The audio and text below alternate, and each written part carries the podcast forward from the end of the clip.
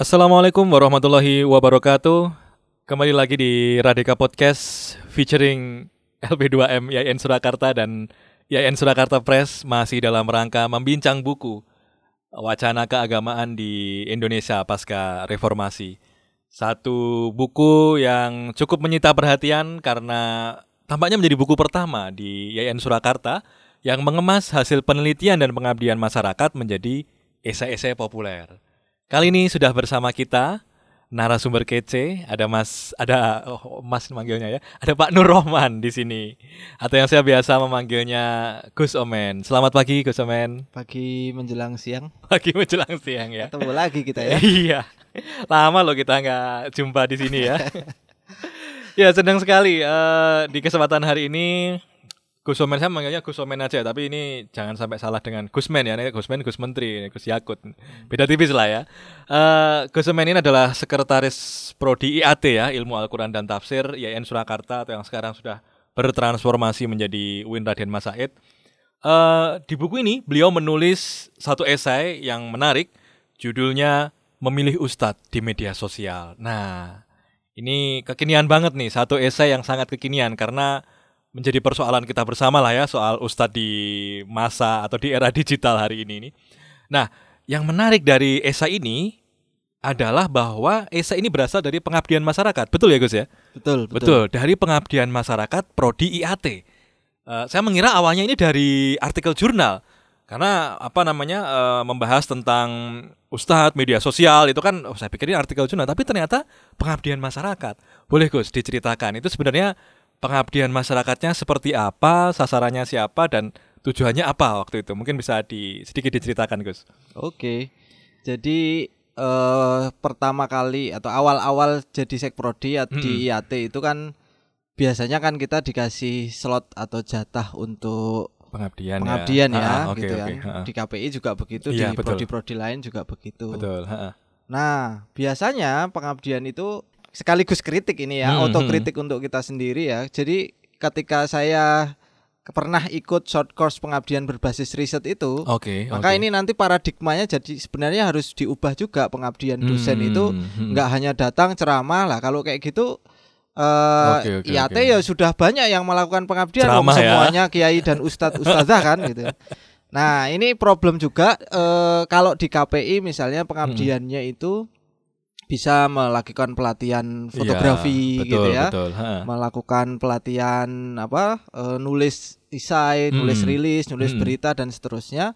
Yeah. Problemnya kalau IAT itu waktu itu saya mikir lah, terus apa, apa ini? Nah, kita yeah. mau masuk mau melatih baca Al-Qur'an itu ya enggak bisa diselesaikan yeah, yeah, hanya satu sih. satu bener, kali bener. datang kan gitu. sih. Yeah, yeah. Nah, akhirnya saya mikir gini. Jadi uh, apa namanya?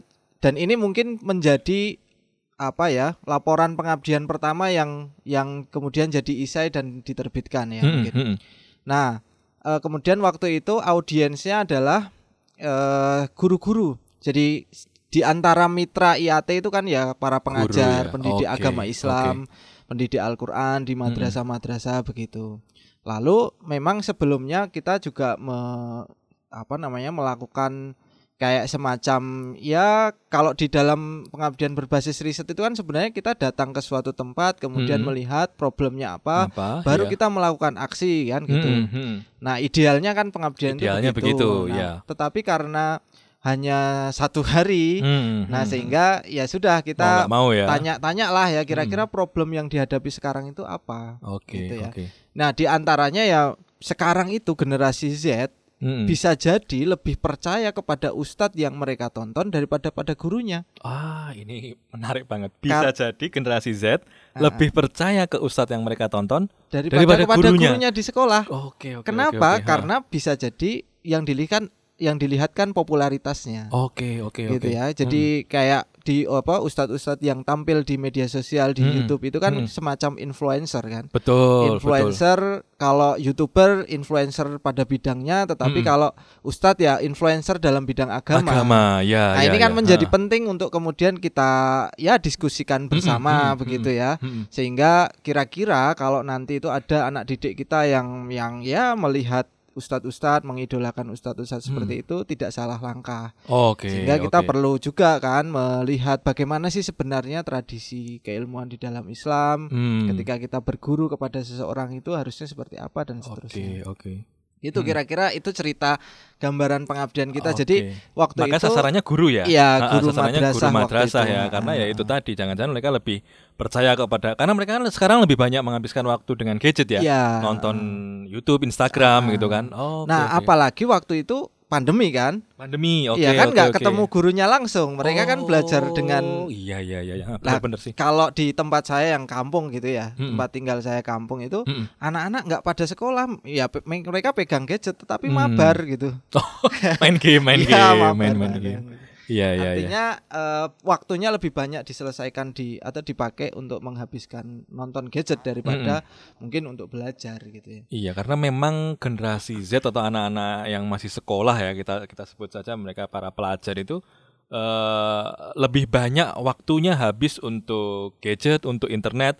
Mereka terkoneksi mungkin paling istirahat cuma kalau pas tidur malam gitu. Iya. Selebihnya mereka akan terkoneksi terus gitu. Ah, Nah, yang menjadi persoalan kan tadi ya, ada ustadz yang populer, followernya banyak Gus ya, Iya, iya. followernya banyak, terus like dan apa namanya komentarnya juga banyak gitu. mm, Orang-orang akhirnya mungkin silau dan, wah ini populer nih, di follow lah gitu, iya. di follow, diikuti gitu. Nah, yang dibahas di sini adalah soal otoritas keagamaan. Mm, mm, mm. Nah, bagi saya itu itu menarik nih. Bener nggak sih bahwa yang followernya banyak, likes-nya banyak, komennya banyak itu pasti otoritatif, Gus. Kalau kita konteksnya otoritas keagamaan ya. Ya sebenarnya belum tentu juga. Belum ya. tentu ya. Ya, Iya, belum ya. tentu juga gitu. Mm, mm, mm. Kalau di isai yang saya tulis itu kan ada beberapa contoh-contoh ya. Oke, oke. Bagaimana kemudian dulu ustadz-ustadz ada yang mungkin ya, Ha, ha, ha. ya namanya manusia, ya Manusia, keseleo lidah iya, dan ha. seterusnya. Tetapi ada juga tidak sedikit yang kita temukan. Mm, Saya mungkin tidak perlu sebut nama ya. Iya, Jadi oke, ada oke. sebagian ustadz yang belajarnya dari Google gitu Oke, kan. ha. dia mengakui sendiri. Ah, ah, Ha, Gus. Yaki kan pernah kayaknya di buku Haliday. ya. Oh iya iya, saya pernah juga, nulis tentang eh, itu. Ha. apa namanya? Bagaimana mengaku belajarnya dari Google dan Ah, Oke. seterusnya. Mm, mm. Itu tentu secara keilmuan ten- eh, tidak otorat, Otoritatif, otoritatif, ya. ya. Oke, ha, benar-benar. Jadi, jadi sebenarnya ada ini sekaligus menunjukkan bahwa ada pergeseran otoritas di Oke, apa oke. namanya masyarakat kita khususnya bagi generasi Z ya. Mm, mm. Eh, jadi ini otoritas mengaji gitu ya ngaji Hmm, hmm. kepada guru itu Hmm. kan sekarang bergeser Mm. ngajinya kepada Mbah Google atau Mbah ke Google. ke YouTube kan Iya Nah, iya gitu. iya. Nah, iya. eh, ada problem juga di situ sebenarnya apakah yang seperti itu itu bisa apa namanya dianggap sebagai belajar, atau agama. tidak gitu ya belajar. Nah nanti mungkin kita akan singgung juga kan Hmm. soal bagaimana transmisi hadis waktu itu pada Mm-mm. masa Mm-mm. masa-masa awal itu kan adu lutut nanti. Adu lutut antara guru Iya, dan muridnya ya. iya, oh, makanya, iya iya iya. iya. Eh, Imam Bukhari itu kan berkelana dari satu negara ke negara lain untuk langsung ketemu dengan para Oh, perawi oke, itu. Oke oke. gitu. Artinya jenengan ingin mengatakan pada masa dulu untuk mencari sebuah ilmu atau mencari kebenaran sesuatu gitu ya, katakanlah hadis gitu ya. Mm-mm. Itu nggak bisa sembarangan gitu ya. Iya, iya. Tahapannya panjang dan Iya. serius gitu. Mm-mm. Yang ini menjadi semacam kebalikan dengan orang sekarang yang kayaknya kok enteng sekali gitu dapat ilmu dari hanya nonton YouTube gitu. Iya. Tapi gini Gus, sebenarnya boleh nggak kita kita nonton YouTube eh, ceramah ustadz-ustadz gitu, terus kemudian misalkan Gus Baha gitu ya yang populer di YouTube, itu kalau kalau menurut jenengan gimana itu? Ya boleh saja. Boleh aja ya, kalau boleh boleh aja malah gitu. bagus Malah gitu bagus, ya. Eh, untuk memperkaya wawasan dan seterusnya ha. tetapi kemudian kalau kita kemudian tampil Mm-mm. eh, mengajar gitu ya, Oh, mengajarkan iya atau ya, tampil hanya berbekal itu gitu ya. ya saya kira menurut saya itu kurang Kurang lah ya. Apalagi nanti di dalam tradisi pesantren dalam tradisi keislaman itu kan Mm-mm. ada eh, barokah para guru kan Oh ya benar jadi benar di benar. satu benar. sisi sebenarnya kita itu tidak hanya mempelajari ilmu Mm-mm. pengetahuan Mm-mm. gitu kan tapi sisi lain tuh nyambungkan sanat gitu Nyambungkan sanat. Nah ini ini menurut saya penting ini dan ini diulas juga ya di esai jenengan Ah, ini ya. ah, ah. menyambungkan sanat itu itu pengertiannya itu kira-kira gimana Gus? Menyambungkan sanat itu apa sih sebenarnya yang dimaksud dengan menyambungkan sanat gitu? Ya jadi apa ya? Kalau misalnya orang ngaji di orang kiai-kiai Jawa ya misalnya, Hmm, hmm. eh, biasanya rata-rata sanat Qur'annya itu dari Mbah Munawir Kerapia Mbah Munawir misalnya ya? seperti Iya itu ya. iya. ha, ha. Mbah Munawir Kerapia nanti ngajinya kepada eh, Kiai Dimyati di Termas. Oke. Kiai Dimyati Ketersambungan nggak sih? Iya. Ya, nanti ketersambungan, terus iya, iya. nyambung kepada sampai Rasulullah. Oke oke oke itu oke. itu kalau Dijaga betul. Eh, eh, dijaga. Oh. kata Gus eh kata Gus Muafik gitu kan pernah Ha-ha. menjelaskan tentang apa namanya kalau sekarang itu provider gitu ya. Oh ya. Jadi ilmu itu benar-benar jadi ilmu yang diturunkan Mm-mm. kepada Nabi Muhammad itu ke sampai kepada umatnya itu kan melalui orang-orang ini, melalui Oh, jalur-jalur iya, itu iya, iya, sehingga iya, iya. ya kalau kata Al-Qur'an apa namanya kami yang menurunkan Al-Qur'an dan Mm-mm. kami yang menjaganya gitu ya. Mm-mm, mm-mm. Inna nahnu nazzalna dzikra wa inna lahu lahafizun itu iya, ha. caranya dengan dengan seperti itu. Dan Oh, penafsirannya oke, kan oke, oke. kenapa kok Al-Qur'an itu menggunakan inna kok tidak menggunakan ini gitu ya. Kan Allah yang menurunkan. Hmm, Iya tapi iya kok iya. mengguna Allah mengakomodir yang ya? lain ya, gitu Oke ya. oke oke oke. Kan sesungguhnya kami bukan sesungguhnya saya gitu. Oh. Makanya iya. itu eh, mungkin bagian dari dan, dan itu kalau eh, pemahamannya mungkin nanti nyambung dengan keberkahan ilmu itu. Mm, mm, mm, mm, mm. gitu ya. Jadi kadang-kadang orang di pesantren tidak diajari ngaji, tapi loh Hmm. dia kok jadi kiai besar. Hmm, Sering dengar ya, Iya begitu iya ya. iya ada Itu cerita-cerita di kayak gitu. antara salah satu barokah dari Keberkahan keberkahan kian. ilmu, Oh, keberkahan oke, dari oke. gurunya. Berarti tentu akan sangat ironis sekali misalnya begini Gus ya. Kita waktu itu pernah tuh ada diskusi gitu. eh wa- lagi rame-ramenya pemimpin non muslim itu. Ada satu orang yang wah dengan lantang gitu memimpin apa memilih pemimpin non muslim itu haram itu. Terus ketika ditanya, "Loh itu tahunya dari mana kok bisa haram? Kok bisa menyimpulkan haram?" Ya pokoknya haram. Saya nonton di YouTube kok. Nah, fenomena-fenomena kayak gitu sekarang kan mulai mulai Iya. banyak Gus ya. Bukan mulai banyak, banyak banget kita Ah, temukan berarti sangat sangat ironis kalau kemudian dia bisa berteriak lantang tentang sesuatu ilmu agama gitu ya tapi sumbernya hanya dari YouTube itu. Ironis betul sementara dulu kalau ceritanya dengan tadi Imam Bukhari berkelana mencari ilmu dan ada orang-orang yang dengan sangat tekun dengan sangat hati-hati menjaga sanat keilmuan begitu ya. Jadi harusnya kalau itu gimana Gus? Diterapkan di masa sekarang tuh gimana dalam menjaga sanat di era digital lah kira-kira gitu. Menjaga sanat di era digital itu gimana kira-kira? Atau di era disrupsi lah. Ini hari ini kan sudah awut-awutan Gus. Semuanya kan karena karena ya internet globalisasi macam-macam kan disruptif sekali gitu. Kalau kalau menurut jenengan gimana itu? Bisa nggak eh, konsep itu diterapkan di masa sekarang? Iya susah, gampang-gampang susah. Gampang-gampang susah, ya. ya. Heeh.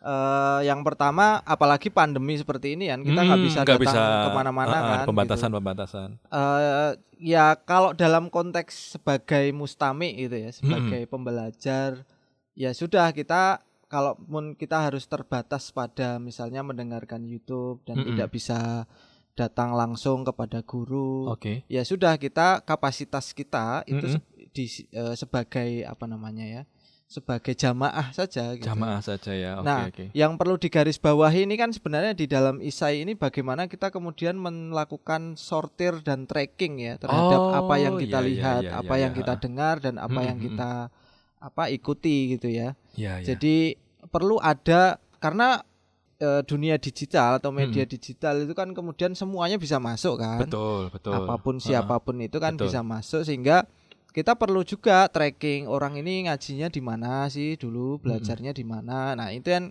yang mungkin bagi saya yang yang ketika pengabdian itu yang paling penting adalah Mm-mm. me- membe- me- apa namanya mendiskusikan itu dengan para guru sehingga mereka mentransformasikannya kepada anak Mm-mm. didik mereka kan gitu. Mm-mm, betul, betul, betul. menyebarluaskannya. Jadi eh, bagaimana kemudian kita juga melakukan tracking juga kepada ustadz ini dulu ngajinya siapa sih? Jangan Hmm, terus iya, kemudian iya, tiba-tiba iya, eh, apa namanya? Ya kalau kita akan berbicara latar belakang, agenda dan seterusnya kan terlalu iya. akan lebih terlalu luas lagi luas ya. ya, melebar ya. Nah, ya. tetapi ini penting bagi Penting. mahasiswa untuk Mm. melihat itu. Mm, Jadi mm, mm, siapa mm. sih itu agen punya agenda apa? Agenda kan apa, di ya. perguruan tinggi kita diajari critical thinking kan. Mm-mm, mm-mm. Gitu sehingga eh, kita nggak ikut-ikutan saja gitu Oh, ya, oke, nggak oke. ikut-ikutan. Critical thinking ya, nalar kritis ya. Nalar Nalar, kritis. kritis. itu penting banget ya di era medsos hari ini. Iya, nah sama nyambung yang tadi pertanyaan saya lihat saya eh, menolak non muslim karena Nonton, nonton, YouTube, ya Hmm. itu kan nggak punya critical thinking. Artinya oh, dia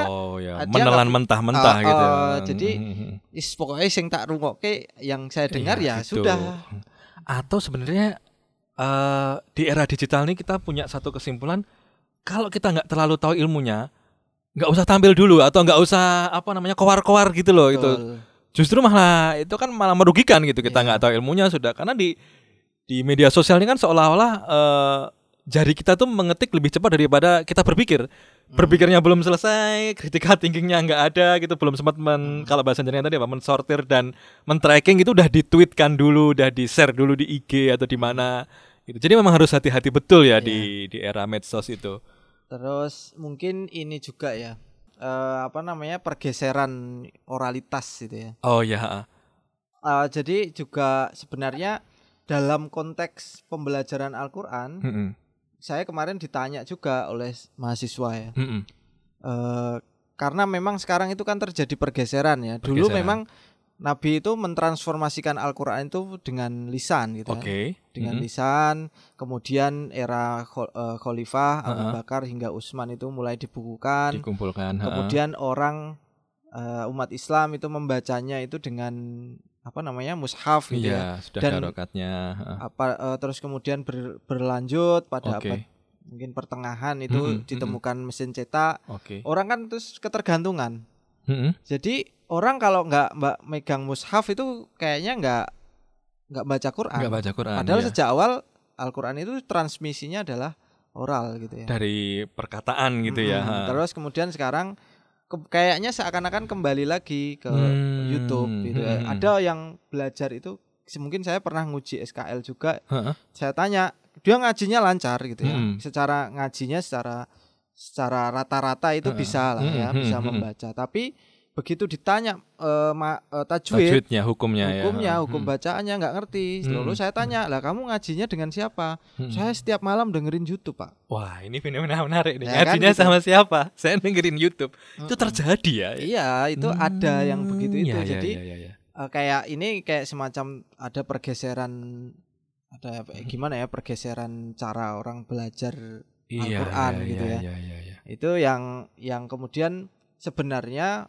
eh, orang yang seseorang yang belajar Al-Qur'an atau Hmm, belajar hmm. agama itu kan ya setidaknya harus berguru karena harus berguru dia harus dia harus apa ya ya mentasheh lah ya Mm-mm, mm-mm. mentasheh apa yang ia dengar apa yang dia kemudian bacakan itu Iya. Karena kalau kita dengar cerita orang-orang tua kita dulu kan baca Al-Fatihah kan bisa diulang-ulang kan, bisa Mm-mm. berminggu-minggu berbulan-bulan untuk Hmm. membaca Al-Fatihah dalam tanda kutip sekadar Al-Fatihah gitu, Mm-mm. tapi harus harus diulang-ulang gitu loh. Dan kalau sekarang wah ini saya juga tergelitik tuh.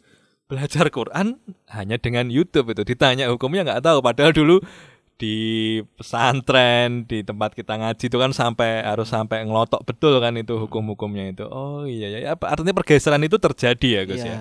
Dan ya itu digital mau nggak mau di era digital ini mau nggak mau ya harus ada banyak hal yang harus disikapi dengan baik. Ustadz Hmm. digital, cara belajar Quran digital gitu ya. Oke, eh kalau boleh jenengan sampaikan Gus, tipsnya buat generasi Z nih terutama buat anak-anak muda yang sekarang sangat kalau di sini kan menurut jenengan mengutip satu riset bahwa generasi Z itu cirinya adalah connected, confident dan kreatif. Soal confident dan kreatif itu sisi positif ya. Ya baguslah mereka confident, percaya diri dan kreatif apalagi didukung internet ya.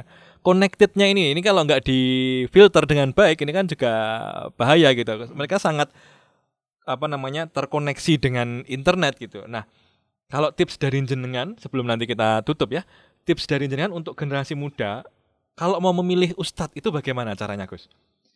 Iya, per- pertama kalau di dalam Isa ini saya eh, menli- me- apa, menganalogikan seperti orang yang apa namanya melacak hadis lah ya. Heeh.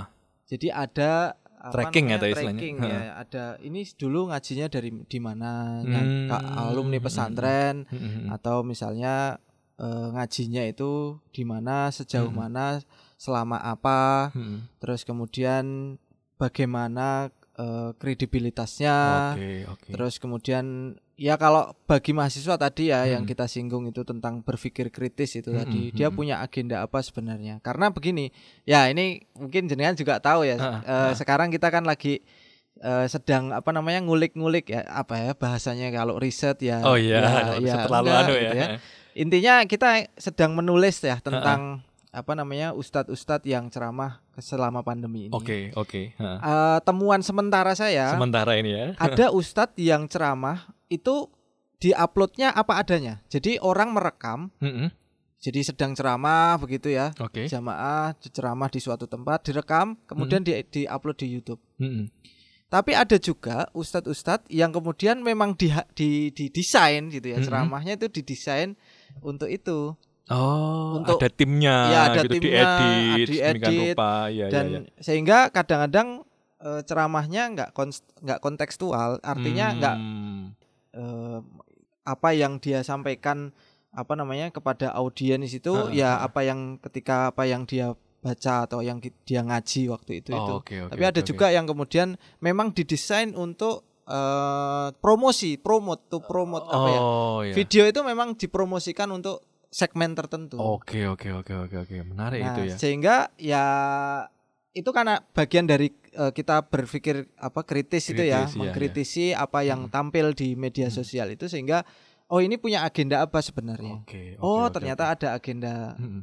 eh, dalam tanda kutip ya mohon maaf jualan. Oke, Ada ya. yang tujuan eh, monetasi. Oh, iya, tapi ada tujuan, uang ya. Eh, eh, Oke, oke. terus ada juga yang tujuannya memang ini bagus, Heeh, Ustadz heeh. ini bagus, Heeh. ilmunya dalam. Heeh, heeh. Tapi kalau nggak dikemas, Iya. kan banyak juga kan. Di sini Ah, juga ah, saya singgung ya banyak Hmm. eh, ulama-ulama kita itu sebenarnya Hmm. otoritatif. Mm-mm. Tapi karena kurang mengemas gitu nggak iya nggak ada tim, nggak Heeh, heeh. dia nggak ini terlalu apa adanya terlalu gitu ya. apa adanya, Heeh, heeh. dia tenggelam. Padahal hari itu. ini untuk bisa mendekati generasi Z perlu ada ya sedikit-sedikit pengemasan lah ya. betul. Selama ah, tidak mengurangi ah, substansi kira-kira ah, begitu ya. mm. Dan tidak asal potong-potong aja sering kali kan hari ini kan juga masalahnya gitu ya. Ada Mm-mm. orang-orang sedikit-sedikit dipotong untuk keperluan tertentu gitu. Nah, nyambung tadi Gus, saya, saya jadi mencatat bahwa tracking itu penting banget ya buat generasi Z. Tips jenengan harus tracking ya, Ya, dan ya. itu nggak masalah ya. Artinya jangan sampai kita hanya silo, wah followernya sekian ratus k gitu. Itu jangan jangan sampai Iya. hanya silo karena follower gitu loh Iya. dan wah feed Instagramnya rapi nih foto-fotonya bagus gitu harus dicari karena mohon maaf ada juga mungkin ustadz yang baru belajar agama ini bahasanya mungkin agak kasar ya baru belajar agama kemarin sore gitu ya yang itu tuh ya masih ilmunya mungkin masih tidak memadai gitu lah Ah, ya kira-kira ah, ah. kan masih ada yang lain yang nyantrinya bertahun-tahun Hmm. mungkin sampai pergi ke timur tengah gitu ya itu kan kan ada yang semacam itu kenapa Ya. tidak dipilih yang itu gitu Mm-mm. kan Eh ada yang menganalogikan gini Gus. Untuk soal kesehatan kita nggak main-main. Kita pasti nyari dokter yang terbaik ya kan? Iya, iya. tapi kalau kenapa untuk soal agama kita kadang-kadang wah asal follow aja gitu. Yang penting Mm-mm. populer gitu. Padahal Iya. secara otoritas eh, itu dipertanyakan gitu kan. Ya agama kan untuk keselamatan dunia dan akhirat ya kira-kira begitu. betul. Oke, sobat Radika ini sebenarnya obrolannya menarik banget ini dan apa namanya kontekstual dengan kondisi kita hari ini. Karena ya anak-anak muda terutama ya para pendengar Radika itu kan sering kali ya begitu mereka ini yang mana ya Ustadz yang bagus untuk saya ikuti? Ah kayaknya cocok yang ini deh tampilannya menarik ada yang cuma pakai celana levis pakai kemeja kotak-kotak. Itu kan tampak menarik sekali Gus untuk untuk generasi milenial untuk generasi Z gitu. Tapi ya apakah otoritatif? Nah itu harus di tracking. Itu tadi sobat Radika obrolan kita dengan Gus Omen sangat menarik.